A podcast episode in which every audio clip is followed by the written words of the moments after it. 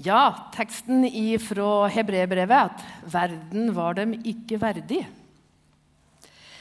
Det Hebreerbrevet var jo skrevet egentlig til ei jødekristen menighet. De var demoralisert, og de var motløse. Så det er noe av det som eh, gjorde at hebreerbrevet ble skrevet. Og de fant det vanskelig å leve så radikalt som det kristendommen egentlig utfordret de til. Det satte altså århundrevis med tradisjoner på prøve. Og de provo provoserte det etablerte samfunnet de levde midt oppi. Og midt oppi de der så var de da både demoralisert og motløse. Men de ville så gjerne. Men hvordan skulle de hente visdom og kraft Å få et troens ansikt som kommuniserte med den Kristus som de gjerne ville være til og være med og vitne om? Hvordan skulle de og deres troens ansikt omskapes til det Kristus var, og det Kristus er? I stedet for i den situasjonen som de befant seg i. Og Slik er bakgrunnen for hebreerbrevet. Også det kapitlet som vi skal være innom, det er kapittel 11, men vi skal ikke lese hele greia. Vi skal lese noen vers fra 32. Og Har du med deg en bibel, så må du slå det opp, eller du har den på telefonen din. Så leser vi ifra vers 32 og utover til 40. Og hva skal jeg ellers nevne? Tiden strekker ikke til hvis jeg skal fortelle om Gideon og Barak og Samson og Jefta, om David og Samuel og profetene. Fem av disse som blir nevnt her, var dommere, kort og godt. Fra dommertiden. Og så fortsetter teksten. Ved tro vant de over kongeriker, holdt retten oppe, fikk løfter oppfylt, lukket gapet på løver, slukket voldsom ild, slapp unna bitende sverd, gikk fra svakhet til styrke, ble sterke i krig og slo fiendens hærer på flukt. Og kvinner fikk tilbake sine døde. De hadde stått opp. Og denne biten her til teksten den viser at yes, det her er kristendom som de virkelig lyner av. ikke sant? Her går det framover, og her er det ikke så mange nederlag, nei. Her vinner du alltid seier. Så finner du masse av det her. Men plutselig så slår troskapitlet om i et helt annet lynne. Med en helt annen farge.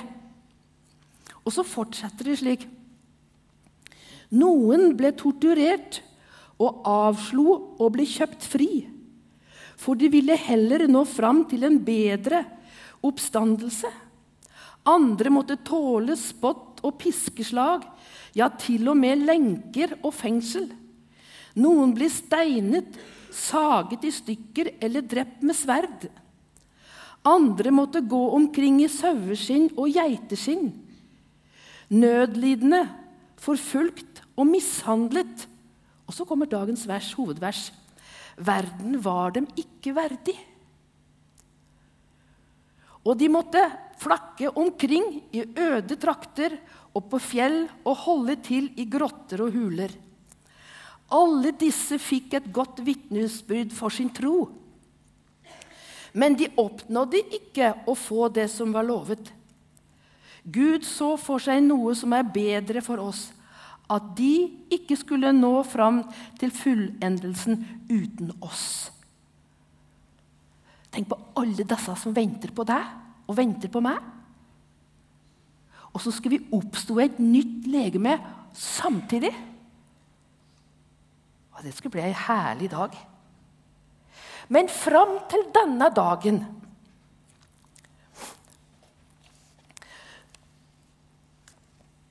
så vil de som bekjenner Jesu navn, leve i denne kontrasten som vi leste om her i den første biten av versa.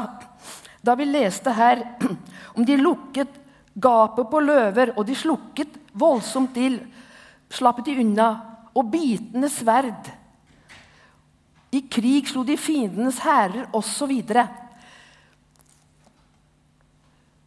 Og så den andre biten som de taler om her. Noen ble torturert. Andre måtte tåle spott og piskeslag. Så ser vi Da vi leser hele dette troskapitlet med alle navnene som er nevnt opp, så har troens ansikt forskjellige uttrykk. Troens ansikt blir forma forskjellig.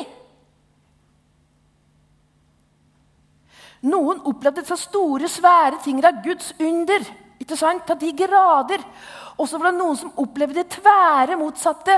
Om at han ble besaga i stykker og håna og trakassert. Og så tenker han ja, de måtte heller ha et dårlig troens ansikt av en gud som bærer nederlag. Ja, nå kan du se, han redder deg ikke. Samme hånen som du hørte fra Golgata. Om han virkelig er Gud nå, så får han hjelpe. Han får stige ned for å se hvor mye fart det er i Ikke sant? Og så tenker vi kan dette være noe med troens ansikt? Da dagene er slik. Ja, sier hebreerbrevet. Og så nevner han opp alle disse navnene som vi har med navn, og de, som, de navnløse. Mange av de som er navnløse. Og så bærer de et troens ansikt inn i denne verden. Og så står det at verden var dem ikke verdig. Og mange ganger så hører du det at ja, de hører om de kristne. Ja, det er ikke mye samfunnsnytt i dette. De blir snudd på huget på en måte. De er ikke, de kristne er ikke verdige til å leve i, liven, i, i, leve i verden. De får terningkast én, liksom. Og så sier hebreerbrevet det er ikke sånn. Ja, Hvis han virkelig er Gud, så får han stige ned. Hvis han virkelig er Gud, så får han hjelpe disse der, som har det så fælt. Det er ikke slik. Det er snudd opp ned, så sier hebreerbrevet. Verden var dem ikke verdig. De hadde et vitnesbyrd som var så sterkt. Kanskje sterkere enn de som seier imot fiender i haugevis, og som gjorde store, svære undre. Kanskje hadde disse navnløse, som hadde båret disse såkalte nederlagene, hadde de et større og tydeligere troens ansikt. Hvorfor?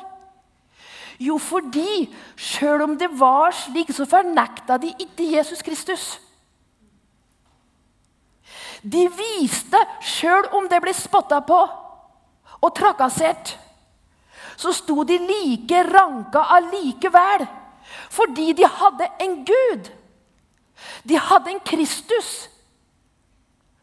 Og de hadde da en troens ansikt som var stødig også i slike situasjoner. Og de strålte Kristus. Og allikevel, for dette sterke vitnesbyrdet, så ble de håna. Så sier hebreerbrevet at verden var dem ikke verdig. Men vil det si da holdt de opp, da? For det verden ikke tar imot det, så kan de like godt holde opp. Nei. De fortsetter likevel. Og da vi leser denne biten, siste biten av hebreerbrevet som vi leste her, så er hele denne biten tatt ifra dommertida til makabertiden. Ca. 1200 år før Kristus. Det er ca. år 67-66. Da ble det slutt på makabertiden. I hele denne perioden så går det kvinner og menn gjennom århundrer som har disse troens ansikt, troens uttrykk, der Gud allikevel viser sin sannhet. Skal vi se om vi får fram et, eh, et bilde her som jeg har uh, eh, henta ut på nettet. Og det er Det står det 'grenseløs misjon'. For nettopp det trosansikt og troens uttrykk som du og jeg har, det virker grenseløs misjon. Og her har du da en tatt som er fra en usensurert IS-video 15.2. Dette var altså i fjor. Da var det kristne arbeidere som rett og slett var i Libya og de var rett og slett 20 stykker ble hanka inn fra det de ikke ville forbanne Kristus. Det ble hanka inn, kledd på de her gjenkjennelige rosa kjeledressa. Og så sto de der på knea. Det var kristne brødre ved Egypt og Ghana. De hadde kommet til Libya rett og slett fordi de ville forkynne Kristus. De ville gi Kristus et ansikt, et troens ansikt i et land der det var uhyre vanskelig å være som kristen. De var knytta til et arbeid som het 'Tilbake til Jerusalem'. Back to Jerusalem. Med evangeliet. For det står det i romerbrevet da hedningenes fylde er nådd inn, da alle hedningenes folkeslag har møtt evangeliet om Jesus, da skal Israel i hopetall vende seg om til Gud. Til Jesus Kristus som frelser. Og disse brødrene våre og søsknene våre de er en del av dette som gir troen ansikt. De måtte tilbake til Jerusalem. Dette var deres bit. Og så levde de dette livet. Og da vi står her, og de skulle bli halshugda så proklamerte de sin tro på Jesus Kristus. Og hvordan kunne de gjøre det? Hvordan holdt de ut med å gjøre dette? Hvor hentet de visdommen fra for å gi dette troens ansikt? Denne kraften. Hvor hentet de denne kraften og denne frimodigheten og denne visdommen fra? Og jeg tenker på meg sjøl og på mitt eget liv. Her mange ganger her blaut jeg kan være. Jeg husker førstinga de første åra jeg var kristen. Og Jeg kom hjem til Vålerenga, den gamle gjengen min. Jeg var hånd, spilte håndball helt til jeg dro til Japan. Og vi hadde et team. Og Jeg møtte disse gamle vennene mine og kom opp på rommet mitt, og der lå det en bibel. Og jeg kjente at Nabovenninna mi kom opp, så så jeg bibelen min lå der, og jeg kjente da ble det litt sånn trykkende her. Og så spurte jeg ja, så du har begynt å lese i Bibelen, du. Oh, ikke sant? Ja, ja, ja, jeg leser nå litt, men det er ikke rare greier. Det er litt spennende. og litt rare. Jeg likte litt krim, sa jeg, og jeg liker litt sånn science fiction, så jeg leser Johannes' åpenbaring. jeg trodde det var noe alvorlige greier, jeg. oh, tenkte det var jo det! Det var jo det. Men hvorfor i all verden sa jeg det ikke som det var, da? Og så rygga jeg liksom tilbake. Vi går på så mange smeller i forskjellige sammenhenger. Jeg har ei herlig tantejente. Tanteunger er fint å ha, du. Og eh, hun eh, var russetid. Og nå er de nettopp ferdig med russen, da. Men det er stadig nye russ. Og så eh, tenkte jeg nå Jeg hadde hun og hennes medrusser i mine bønner og omtanke. Og de skulle til Lillehammer og feire. Og dere vet på Lillehammer kan være frisk føre seg. Det er ikke så veldig lite av det her, folkens. og hun var en del av Stange videregående skole, og der visste de det var en del av det der. Oi, tenkte jeg, hvordan går det med seg tanteungene mine? Ja, så skulle jeg, gikk nå da, og så skulle jeg ønske henne god tur og god feiring. Og så var hun nede i kjelleren, så sa faren og hun er nede i kjelleren, sa Og så kom hun opp. De hører klirre i flasker. Å ja, tenkte jeg. Så tok jeg en sekserpakning og løftet den opp slik. 'Ølet mitt, tante', sa hun. 'Ølet mitt'. Å, tenkte jeg. Og så leser jeg 'Hamar Lillehammer Bryggeri'. Og vet du hva det sto mer? Julebrus! Oi, tenkte jeg. Ja, det er kanskje ikke det russen uh, bruker mest av. Uh, nei, sa hun, men det har jeg valgt. Jeg har valgt å være med dem, men jeg vil leve annerledes. Og så for hun da med russebussen med julebruset sitt. Mens de andre satt med annen brus. Og det ble mest sus for de, da. Men Og så tenker jeg at ja Dette handler om noe av å gi troens ansikt. Å leve ut troens ansikt i hverdagen der du og jeg er. I disse små møtepunktene som vi har. Noen av våre trossøsken har slike møtepunkt som dette. Og vi har vår i vår kultur, i vår setting, så har vi våre møtepunkter. Men felles for oss, der vi henter visdom og frimodighet Det som ga disse brødrene våre her styrke til å leve ut troens ansikt sjøl om de krevde deres liv. Hva var det som gjorde det? Jo, for de kjente Han som hadde makt til å vekke opp fra de døde. Det hadde ikke disse. De hadde tatt seg makt for å ta liv, men der stoppa det. Og de hadde speilet sitt liv og sin hverdag i Jesus Kristus. Han som har makt til å vekke opp fra døde og gi nytt liv. Det var dette de speilet seg i. Dette hadde blitt identiteten deres. Og da levde de slik, for de hadde speila seg nettopp i en sånn Kristus. Å, tenkte jeg. Kari Helene. Hvor mye speiler du ditt liv i Kristus? Slik at du kan få vokse i frimodighet, i kunnskap og i visdom til å speile Kristi ansikt slik det er. Og det her hebreerbrevet kommer inn. Ikke minst dette troskapitlet.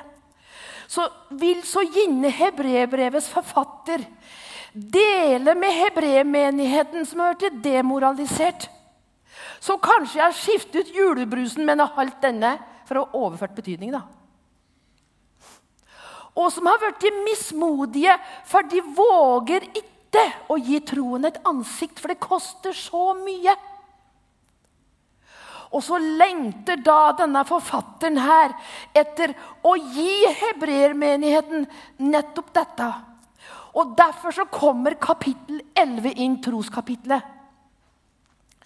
For at her ligger visdommen og frimodigheten som bar våre trosgenerasjoner, kvinner og menn, i århundrer igjennom dette livet som de levde. Noen hadde de underets glade dager, og andre hadde smertens dager. Men uansett hvilken livsskjebne de hadde, eller et livsbilde de spilte, utlyste Kristi ansikt, så hadde forskjellig farge. Men det samme var at de hadde ett felles mål. Og det var hjem til himmelen til Jesus Kristus. Det er han som kan vekke og reise opp døde. Og så rem, remser han opp Du må lese Hebrebrevet 11 med dette fra bildet. Og Nå vil jeg nevne bare noen vers til det og ved 1123, og der står det I tro gjemte foreldrene til Moses gutten i tre måneder. De gjemte gutten i tre måneder. Hvorfor? De lot seg ikke skremme, står det. Og hvorfor lot de seg ikke skremme? Fordi de kjente en som var mektigere i gjerninger enn farao.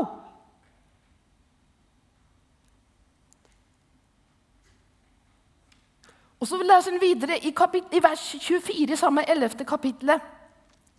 I tro nektet Moses da han ble stor, å kalles sønn av faraos datter. Og hva, hvorfor? Jo, Han holdt Kristi vanære for en større rikdom. For det, Han visste om et skattekammer som var større enn faraos og Egyptens skatter.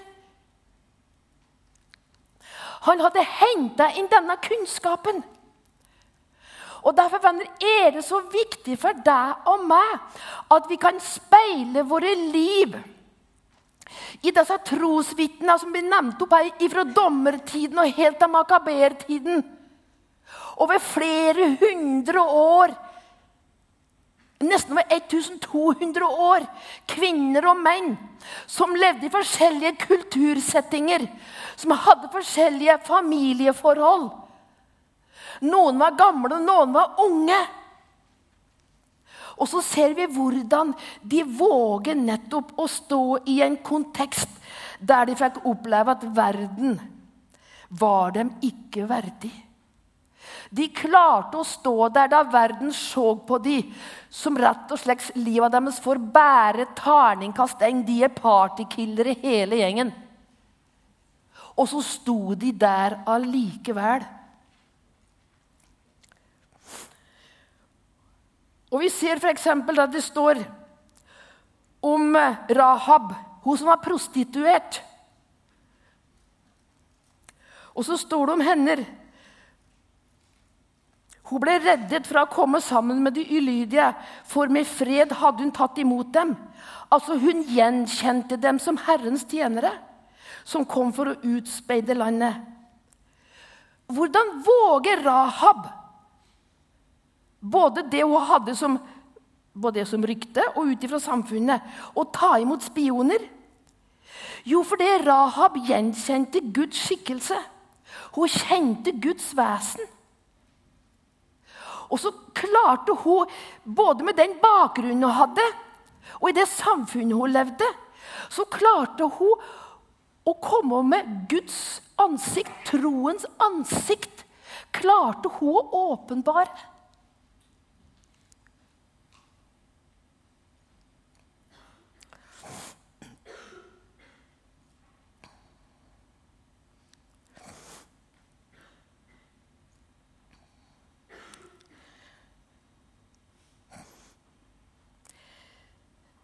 Det er ikke bare Jerikos murer. Det står om Jerikos murer som falt da det hadde gått rundt i sju dager. Det er ikke bare de som er fruktgivende.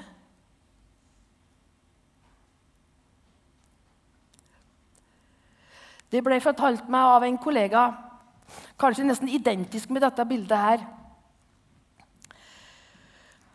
Det er lagt ut en sånn IS-video av en som var fra Øst-Afrika, som hadde smuglet bibler. Og så ble han tatt. Kufferten ble kasta ut på gata, og der for det ut masse bibler. Og det ble spurt hvem er det som eier disse biblene. Han svarer ikke. Og så fant de identifikasjonspapirer i kufferten. Selvfølgelig så fant de ut hvem det var. Så sto de der med videoen, med, med mobiltelefon, tok opp video mens de tok den skarpe kniven over hodet hans. Og så tok de den for halsen. Men han forbandt ikke Kristus. Og så var det en forunderlig fred over dette ansiktet mens han mista livet. Kroppen og Bibelen ble tatt med til byens sentrum og kasta ut på markedet. I Norge så satt det en muslim og så denne videoen. Og da han så dette, hvilken fred han hadde da livet hans ble tatt, så ble han frelst. Han vendte seg, oppsøkte kristne, og han ble en kristen.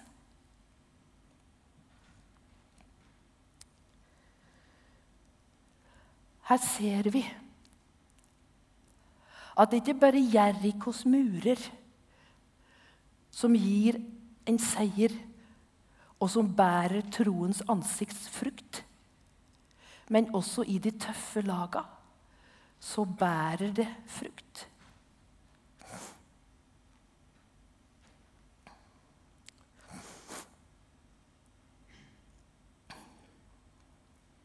Skal vi gå på neste bilde?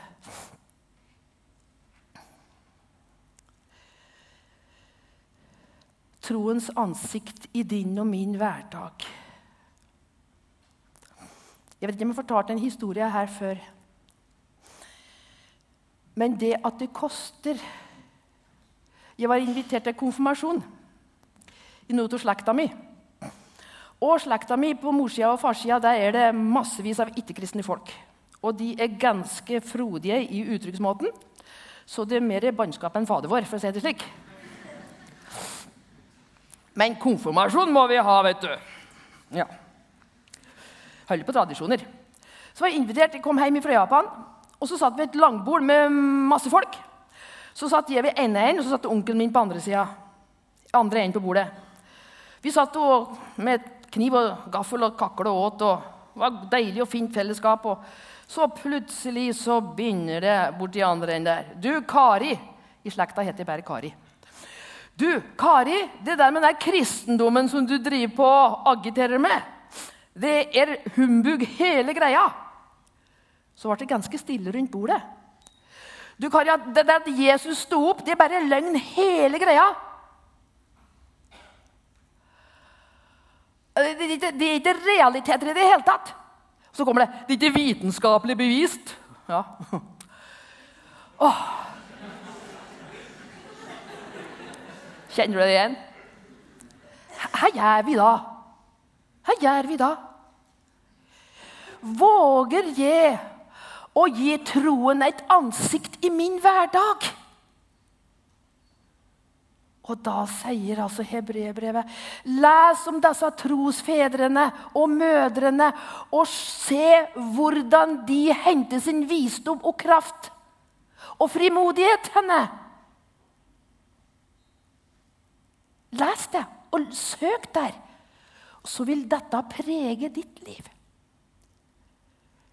Og Jeg har gått på så mange smeller i livet mitt på dette å vike litt unna.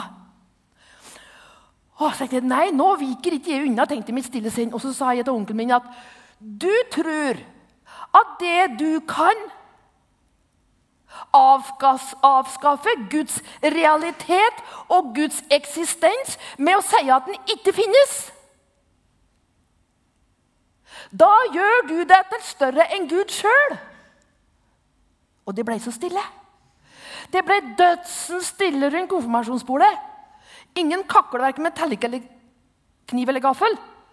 Og jeg tenkte å, Kari Helene partykiller. Hæ? Skal jeg stoppe her?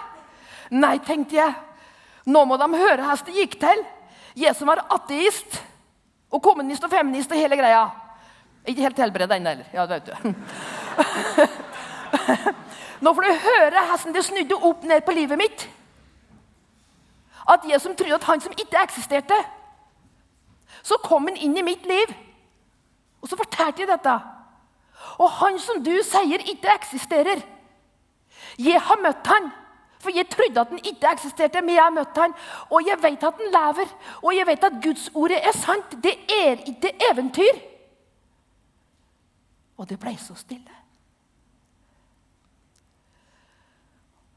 Og etter vitnesbyrdet var ferdig, så smått om senn så var det ny påfylling til porsjon nummer to. Og jeg kjente litt sånn trykkende.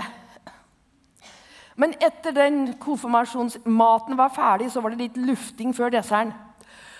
Og så var det ut i hagen. Og der kom en av tantene mine bort til meg. Og så fikk vi ha en fortrolig samtale. troens ansikt i din og min hverdag. Hente frimodighet fra disse som har gått føre. Og som har erfart, så har vi så masse erfaringer her i hebreerbrevet. Gå dit og hent og les deg opp på disse historiene. La dem stråle inn i ditt liv. Så får vi neste bilde før vi slutter av her. Og eh, det er ganske sprekt. Folkevandring. Evangeliets budbærere, står det her. Ja. Disse her er egentlig fra Nord-Korea. Mange nordkoreanere blir kristne etter de har flyktet fra hjemlandet sitt. Og hvorfor blir de det? Jo, 36% blir kristne under flukt i Kina. Hvorfor det? Jo, for noen har troens ansikt i disse møtepunktene. Og så fortsetter det bare her. Ca. 60% er blitt kristne etter at de ankomst til Sør-Korea. Kjære venner i Misjonssalen, vi har så mye velsignelse og mye visdom å hente herifra de som har levd føre oss. Derfor er de nevnt opp her.